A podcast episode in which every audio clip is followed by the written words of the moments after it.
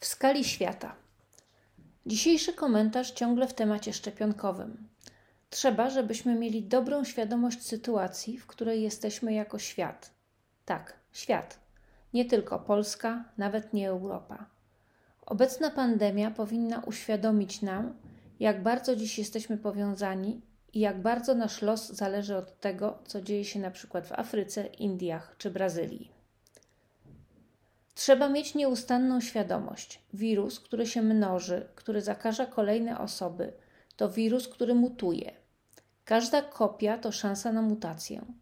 Jeśli chcemy wrócić do względnej normalności, trzeba, żeby nowych zakażeń było jak najmniej w skali świata. Najlepiej wcale, ale to pewnie możliwe nie będzie. Jeśli pozostaną na świecie rezerwuary wirusa, za chwilę on do nas powróci być może w formie, która będzie omijała naszą świeżo wytworzoną odporność. Dziś rano przeczytałam informację, że w Afryce wykryto wariant wirusa, który ma 34 mutacje, w tym 14 potencjalnie wpływających na rozpoznanie go przez przeciwciała szczepionkowe. Nie mamy gwarancji, że jakaś kolejna mutacja nie wymknie się całkiem spod świeżo osiągniętej kontroli. Jedyną szansą jest odporność populacyjna w skali świata – to znaczy, szczepienia muszą dotyczyć także terenów biednych, zaniedbanych, nierzadko gęsto zaludnionych, regionów świata, których na szczepienia nie stać, którym trzeba je podarować.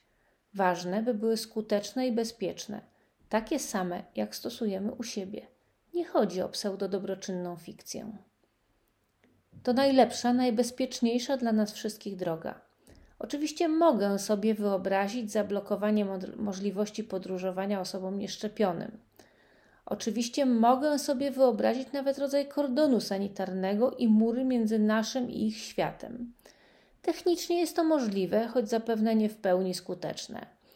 Ludzie podkarmieni przez polityków już nie tylko strachem przed terrorystami, ale i groźnymi wirusami, pewnie się zgodzą. Mogę to sobie wyobrazić. Mogę sobie wyobrazić nawet eksterminację tych, którzy ośmielą się bariery przekroczyć. Eksterminacja nie jest w końcu zjawiskiem dziwnym w historii naszego świata.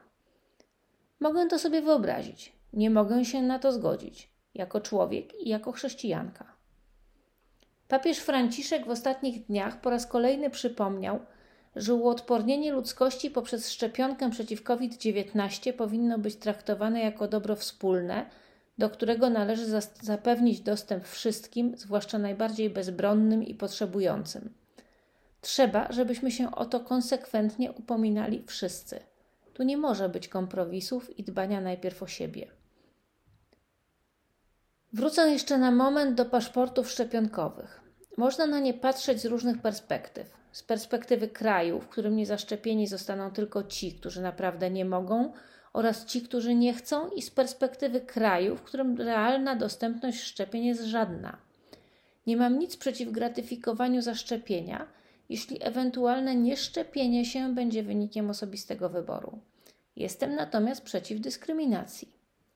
Paszporty szczepionkowe nie powinny nigdy stanowić wymogu, bez którego jakieś działanie jest niemożliwe. Mogą je jedynie ułatwiać, być może w ograniczonej czasowo perspektywie. Pomysł wymaga z pewnością uważnego nadzoru i przyglądania mu się także na przykład z perspektywy krajów afrykańskich czy południowoamerykańskich.